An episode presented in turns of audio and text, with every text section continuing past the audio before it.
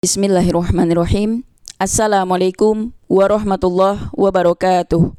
Bersyukur pada Allah atas segala nikmat, rezeki bahkan kuasanya yang telah diberikan ke kita. Saya harap kalian ngedengerin podcast ini sampai selesai, biar nggak ada salah paham di antara kita.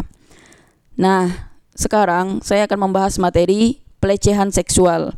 Sebelum ke materi, saya mau ngasih tahu dulu, pelecehan seksual yang saya sampaikan itu dibagi tiga ada part 1, part 2 dan part 3 gitu nah. Nah, kan ini ngebahas pelecehan seksual ya. Ya, mungkin kita beda pendapat gitu. Jadi tidak usah mempermasalahkannya ya, biasa aja gitu. Nah, di part 1 ini saya bakal memfokuskan kepada perempuan. Oke, kita mulai. Allah Ta'ala telah berfirman dalam Quran Surah Ali Imran Surah ketiga ayat 14 A'udzu billahi minasyaitonir rajim. Bismillahirrahmanirrahim. Zuyyina lin-nasi hubbus syahawati minan nisa. Dijadikan indah pada pandangan manusia kecintaan kepada apa-apa yang diingini yaitu wanita-wanita. Dalam Quran surah Al-Ahzab surah ketiga-tiga ayat 3 ayat 33 Allah taala berfirman Bismillahirrahmanirrahim وقرن في بيوتكن ولا تبرجن تبرج ولا تبرجن تبرج الجاهلية الأولى dan tetaplah kalian tinggal di rumah-rumah kalian. Nah, ayat ini nggak berhenti di sini kalau kita perempuan mau keluar rumah, maka wala tabarrujna tabarruj dan janganlah berhias dan bertingkah laku al jahiliyatil ula seperti orang-orang jahiliyah yang dulu. Nah, lanjut dalam Quran surah Al-Ahzab surah ketiga-tiga ayat 59 Allah taala berfirman bismillahirrahmanirrahim يا أيها النبي قل لأزواجك وبناتك ونساء المؤمنين يدنين عليهن من جلابيبهن ذلك أدنى أن يعرفن فلا يؤذين وكان الله غفورا رحيما Hai Nabi, katakanlah kepada istri-istrimu, anak-anak perempuanmu dan istri-istri orang mukmin, hendaklah mereka mengulurkan jilbabnya ke seluruh tubuh mereka. Yang demikian itu supaya mereka lebih mudah untuk dikenal. Karena itu mereka tidak diganggu dan Allah adalah Maha Pengampun lagi Maha Penyayang. Nah, Rasulullah Shallallahu alaihi wasallam bersabda, "Al-mar'atu aurah fa idza kharajatis tashrafaha syaiton. Wanita adalah aurat. Apabila dia keluar rumah, setan terus memandangi. Untuk apa? Untuk menghias-hiasinya dalam pandangan lelaki sehingga terjadilah fitnah. Saya ulangi, wanita adalah aurat. Apabila dia keluar rumah, setan terus memandangi untuk menghias-hiasinya dalam pandangan lelaki sehingga terjadilah fitnah. Hadis riwayat Tirmizi dinyatakan sahih oleh Al-Imam Al-Albani rahimahullah dalam Sahih At-Tirmizi Al-Mishkat nomor 3109 dan Al-Irwa nomor 273. Lalu ada hadis Nabi Shallallahu alaihi wasallam yang diriwayatkan dari Usamah bin Zaid. Beliau bersabda, "Ma taraktu ba'di fitnah, ma taraktu ba'di fitnah adarra 'ala rijal minan nisa' Aku tidak meninggalkan satu godaan pun yang lebih membahayakan para lelaki selain fitnah wanita.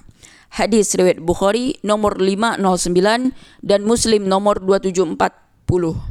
Selanjutnya, An Abi Hurairah radhiyallahu anhu qol qala Rasulullah sallallahu alaihi wasallam wala yahillu limra'atin tu'minu billah wal yaumil akhir tusafiru masirota yaum walailatin illa ma'adhi mahramin alaiha muttafaqun alaih dari Abu Hurairah radhiyallahu anhu berkata Rasulullah shallallahu alaihi wasallam bersabda tidaklah halal bagi seorang perempuan yang iman kepada Allah dan hari akhir untuk berpergian yang memakan waktu sehari semalam kecuali dengan mahramnya.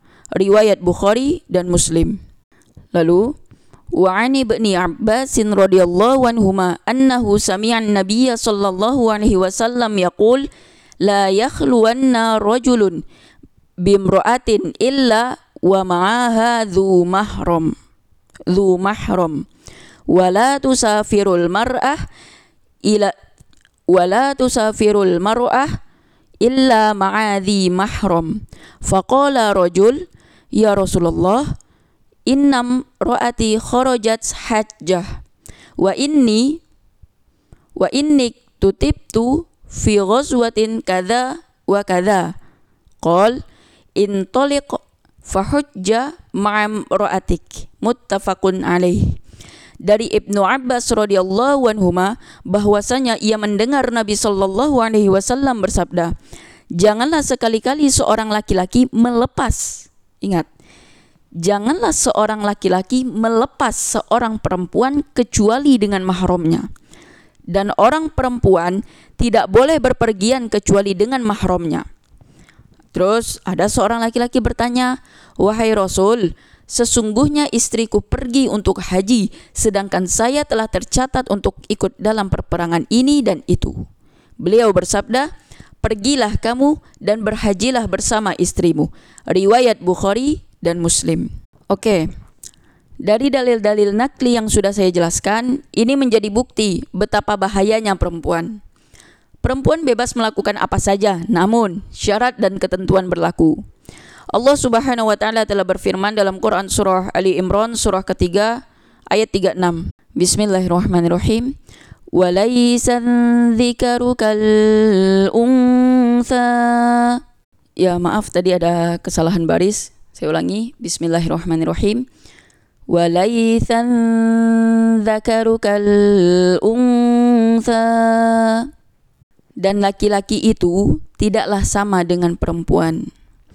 Karena perbedaan ini, maka Allah menghususkan beberapa hukum syar'i bagi kaum laki-laki dan perempuan sesuai dengan bentuk dasar, keahlian dan kemampuannya masing-masing.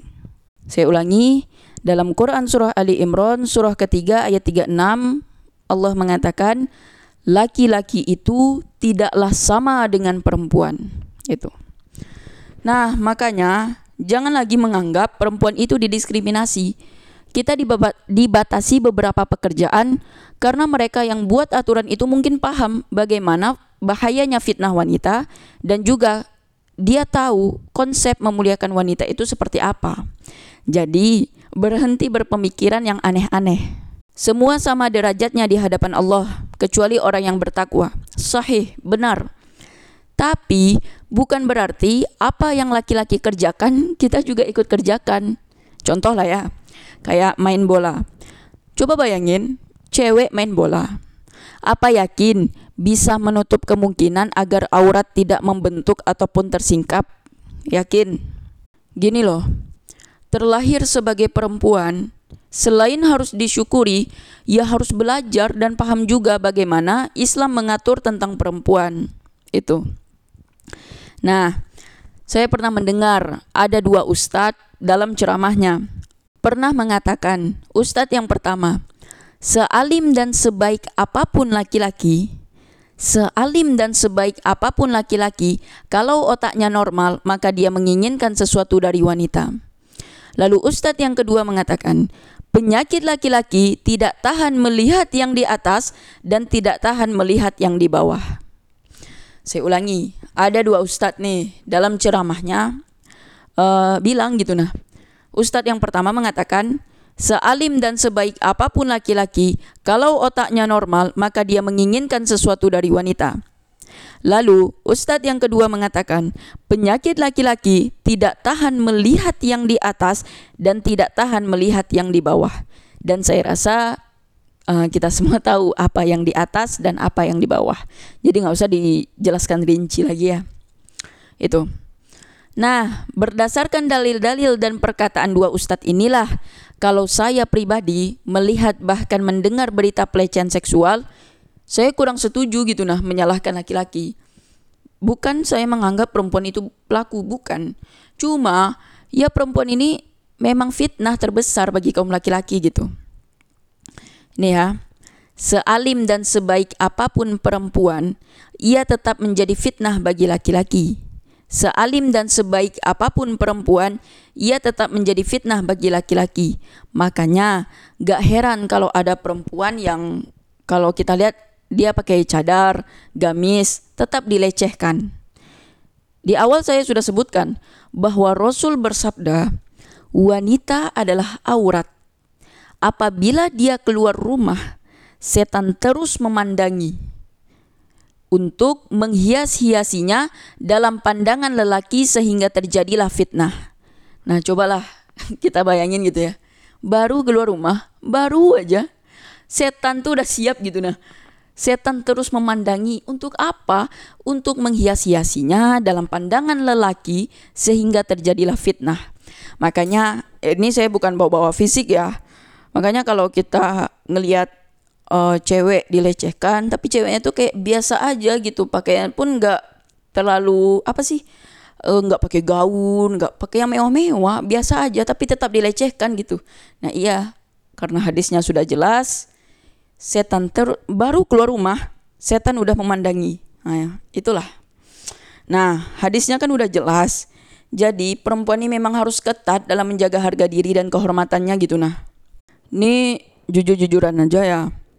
Sebagai sesama perempuan, kadang saya ngerasa risih ngelihat perempuan yang pakai pakaian pakai uh, uh ngelihat perempuan yang pakai pakaian yang ketat gitu nah. Kerudung tidak menutupi dada, dada dan punggung secara utuh. Pokoknya menampakkan dan membentuk aurat lah. Terus kalau ada laki-laki yang menggodanya dia bilang, "Uh, laki-laki mesum, jaga mata dong." katanya. Ya gimana ya? Lawak gitu nah. Kayak ginilah, jangan pernah menyuruh laki-laki menundukkan pandangan di saat kita sebagai perempuan malah menjadi penyebabnya dan gak mau jaga aurat. Dia pakai pakaian yang ketat, kerudung tidak menutupi dada dan punggung secara utuh, kayak dililitkan gitu nah. Pokoknya menampakkan dan membentuk aurat lah. Terus kalau ada laki-laki yang menggodanya dia bilang, Uh laki-laki mesum jaga mata dong. Lawak gitu nah weh. Jangan pernah menyuruh laki-laki menundukkan pandangan di saat kita sebagai perempuan malah menjadi penyebabnya dan gak mau jaga aurat. Nah itu. Dan gak jarang juga ada perempuan baik yang belum paham agama maupun yang sudah tahu agama malah mengundang laki-laki untuk memberikan maaf maaf maaf komentar cabul pada mereka. Contohlah kayak gini. Dia joget-joget terus diupload ke sosial media saat berbicara suara suara yang mendayu-dayu atau mendesah-desah. Terus cara berpakaian yang tidak sesuai syariat. Nah, karena tingkah laku dia kayak gitu, uh, adalah laki-laki yang kayak komentar cabul gitu. Ya, taulah komentar cabul tuh yang kayak gimana gitu nah, yang mengarah ke syahwat-syahwat gitu. Nah, itu. Nih ya, jangan selalu menyalahkan laki-laki sebab tingkah bodoh yang kita perbuat. Cobalah kita renungkan betapa berharganya kita sebagai perempuan. Perempuan tuh madrasah pertama bagi anak-anaknya. Dan masa iya sebagai madrasah pertama kita sendiri pun masih lalai terhadap diri sendiri. Ya sekarang kan udah tahu nih hukumnya, maksud hukumnya tuh kayak gini. Perempuan tuh emang fitnah weh. Udahlah fitnah, terus ke, baru keluar rumah setan udah memandangi untuk menghias-hiasinya. Biar terjadi fitnah gitu karena hal itu ya harus sadarlah harus perbaiki diri kita cara berpakaian tingkah laku introspeksi diri kita dulu ya biar nggak terjadi pelecehan seksual gitu nah saya ulangi ya perempuan itu madrasah pertama bagi anak-anaknya dan janganlah sampai kita sebagai pendidik yang mendidik anak kita nanti itu masih lalai terhadap diri sendiri. Janganlah ya. Nah, kalau para perempuan ingin keluar rumah, saya mau ngasih saran nih. Yang pertama, penampilannya natural-natural aja. Natural nih bukan natural menurut masing-masing perempuan ya. Karena ada juga yang aneh gitu nah. Kayak gini lah contohnya ya. Dia nih udah tahu eh, maaf. Jadi uh, apa sih make upnya nih tebal ya kan terus uh, temannya bilang eh make up kamu tebal uh, tipisin lagi lah gitu terus si teman yang make up tebal nih bilang enggak uh, make up ini make up yang aku pakai udah natural kok menurut aku ya, ya menurut aku nih yang agak gimana gitu ya. Jadi kalau mau menentukan natural atau tidaknya coba tanya ke orang lain. Uh, eh kalian make up aku gimana? Natural enggak uh, tebal enggak atau gimana gitu. Nah jadi kita bukan kita melihat pada pandangan kita tapi lihat uh, tanya ke orang lain gitu ya Ya tapi kalau menurut saya ya ya yang natural-natural tuh ya cukup lah pakai bedak gitu nah. Terus misalkan ada bibirnya yang tipe kering, ya bisa dibasahin pakai lidah. Kan ada air liur tuh ya, ya basahin lah. Atau ada tuh namanya lip balm gitu kan, tapi jangan banyak-banyak gitu. Nah, saya rasa make up tuh nggak terlalu penting dan nggak perlu juga. Make up nih cukup lah di hadapan suami sendiri aja. Biar suami kita tuh yang menikmati dan melihat uh, kecantikan kita gitu, make up yang kita pakai. Jadi kalau untuk keluar rumah, saya sarankan make up nih nggak usah lah. Itu. Terus yang kedua, kalau para perempuan ingin keluar rumah, tolong berpakaian sesuai syariat. Sesuai syariat nih kayak gini. Yang cewek kerudungnya diusahakan jangan sampai rambut tuh kelihatan gitu nah. Entah itu dari posisinya dari belakang atau dari samping atau dari depan. Pokoknya pandai-pandailah cari cara agar rambut tuh tetap di uh, tertutup di kerudung gitu nah. Jadi nggak ada keluar-keluar gitu nah itu. Terus misalkan kalau emang rambut suka keluar-keluar kan pakai apa sih ciput ya namanya? Ya ciput pakai ciput gitu. Nah terus kalau bajunya agak lebaran terus bisa kelihat tangan, lengan, ya pakailah manset gitu. Mansetnya jangan pula yang warna misalkan warna pink, warna yang terang-terang lah biru atau yang lain usahakan warna gelap hitam gitu. Nah, kalau yang boleh sih pakai sepatu, pakai sendal, cuman uh, pakai itu juga lah kos kaki. Kos kakinya jangan pula yang se apa sih? semata kaki gitu nah kaos kakinya tuh yang agak panjangan lah gitu. Jadi usahakan kita tuh memang benar-benar menutup aurat. Kita tuh benar-benar menjalankan syariat Islam dengan baik gitu, dengan keseluruhan. Terus kalau pakaian tuh jangan sempit gitu. Serius. Saya ngelihat cewek pakaian-pakaian ketat, ih, engap weh, serius. Jadi pakailah pakaian tuh yang agak longgar gitu ya. Nah, pokoknya itulah pokoknya berpakaian sesuai syariat. Terus yang ketiga, tolong pergi bersama mahram. Ke mana pun, tolong pergi bersama mahram gitu. Ya ini sebagai uh, antisipasi aja biar nggak terjadi pelecehan seksual gitu nah. Ya pokoknya pintar-pintarlah cari cara agar pele pelecehan seksual itu tidak menimpa kita.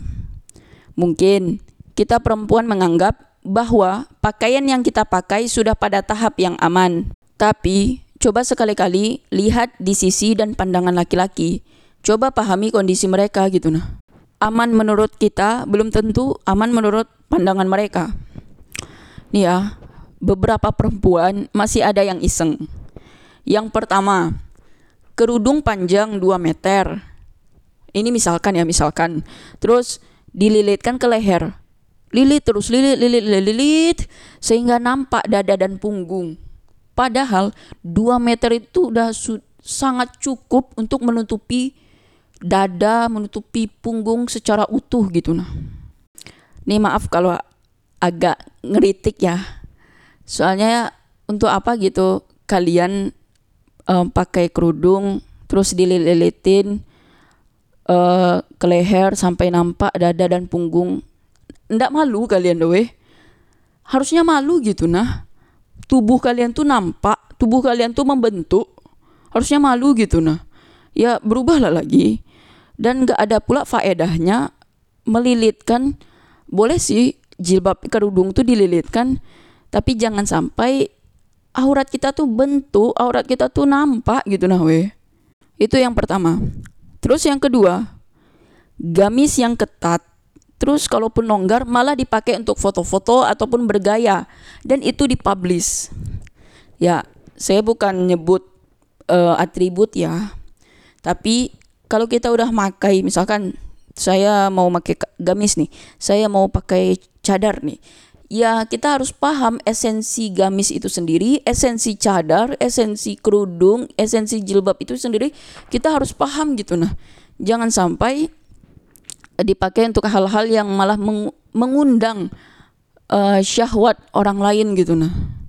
Dan untuk apa sih kita pakai pakaian yang tertutup, longgar, tapi untuk dipakai foto-foto bergaya, untuk apa gitu nah. Aneh-aneh aja. Terus yang ketiga, suara yang mendesah-desah di saat berbicara. Kayak diimut-imutkan gitu suaranya. Kayak gini lah. Kalau ada orang nanya misalkan, siapa nama kamu? Jawab, nama saya ini, nama saya ini gitu-gitu. Jangan kayak uh, ngelam, ngelambai-lambai, nama saya ini, nama saya ini. Jangan kayak gitu, jijik tau gak sih? Jadi usahakan orang ngelihat kita tuh biasa aja gitu. Nah jangan sampai orang ngelihat kita tuh bersyahwat nggak lucu ya nggak keren serius. Itu. Terus yang keempat perempuan ini isengnya yang keempat itu make up berlebihan. Tengoklah orang-orang ya kalau kalian ini entah diri kalian yang melakukan ataupun yang lain ada tuh make upnya cewek berlebihan blush onnya semuanya tebal gitu. Nah tapi dia tuh merasa tidak tebal merasa natural. Nah, itulah kalau mau uh, melihat kenaturalan tanya ke orang lain. Ini make upnya natural atau tebal? Uh, tanya ke orang lain gitu. Nah, yang keempat ini kerudung panjang 2 meter terus dililitkan sampai nampak dada dan punggung. Yang kedua, gamis yang ketat kalaupun longgar malah dipakai untuk foto-foto bergaya dan itu dipublish. Yang ketiga, suara yang mendesah-desah di saat berbicara. Yang keempat, make up yang berlebihan. Nah, saat terjadi pelecehan seksual, tetap menyalahkan laki-laki. Kalau juga tetap menyalahkan laki-laki ya entahlah gitu. Cobalah belajar untuk memahami laki-laki sekali aja. Pahami mereka tuh. Pakailah pakaian yang sesuai syariat Islam. Kalaupun sudah sesuai, jangan pula melakukan hal-hal lain yang malah mengundang syahwatnya laki-laki. Sekali aja pahami laki-laki bagaimana mata, hati, dan pikiran mereka bekerja. Kalau perlu, coba tanya pada mereka, kenapa hanya dengan melihat pinggang dan dada perempuan laki-laki bisa bersyahwat? Coba tanya sama mereka. Nah, maka dari itu, mulailah serius dalam menjaga diri dan kehormatan. Jangan anggap remeh, terkhususnya hal-hal pakaian yang berbau pakaian gitu nah. Satu hal yang harus kita ingat, penyakit laki-laki tidak tahan melihat yang di atas dan tidak tahan melihat yang di bawah. Makanya tidak heran ada seorang paman mencabuli keponakan perempuannya, seorang kakek mencabuli cucu perempuannya. Setua apa pun kasarnya udah tua bangka tapi cabulin cewek. Kita mau nyalahin dia. Nah, sekarang agak mikir lagi lah gitu nah laki-laki itu punya penyakit penyakitnya tuh tidak tahan melihat yang di atas dan tidak tahan melihat yang di bawah. Dan segimanapun perempuan sedewasa apa pun perempuan dia tetap menjadi fitnah bagi laki-laki dan wanita itu adalah aurat. Jadi pandai-pandai gitu menjaga diri. Inilah yang harus semua perempuan pahami. Dan juga setuju ataupun tidak dalil nakli sudah banyak memperingatkan perempuan betapa bahayanya perempuan ini Udah waktunya para perempuan sadar akan harga diri dan kehormatannya. Sering-seringlah introspeksi diri dan belajarlah menjadi perempuan mulia dari Siti Khadijah, Siti Maryam, Sayyidatuna Fatimah, Sumayyah, Hafsah, Asiyah, Aisyah, dan lain-lain. Nah, jadi kita tahu kan kalau perempuan ini harus menjaga banget lah biar nggak terjadi pelecehan seksual. Kadang pelecehan seksual itu terjadi karena kita perempuan sendiri yang sebagai penyebabnya gitu. Yang tidak berpakaian syariat lah, suara tingkah laku yang aneh-aneh gitu. Ya mulai sekarang saya mau para perempuan itu uh, tahu dirilah dan belajarlah Islam secara keseluruhan gitu nah. Sekali aja gitu kita pahami laki-laki bagaimana mata, hati, pikiran mereka bekerja. Karena ya karena kita tahu kan gimana laki-laki itu udah punya penyakit yang nggak tahan melihat yang di atas ataupun di bawah. Dan juga senormal apa pun laki eh, sebaik apa pun laki-laki kalau otaknya normal dia menginginkan sesuatu dari perempuan. Nah itu yang harus kita pahami para perempuan ya sekali-kali pahami laki-laki gitu nah ya jadi berubahlah lagi ke yang lebih baik ya berpakaianlah sesuai syariat, bertingkah lakulah sesuai syariat, berkehidupanlah sesuai syariat. Nah, mungkin segitu dulu dan saya bakal ngelanjutin ke part 2. Oke, makasih. Uh, maaf jika ada kesalahan, kekurangan, kekasaran, kelebihan dalam penyampaian. Sesungguhnya kelebihan datang dari Allah Subhanahu wa taala, kekurangan datang dari diri saya sendiri. Taib. Assalamualaikum warahmatullahi wabarakatuh.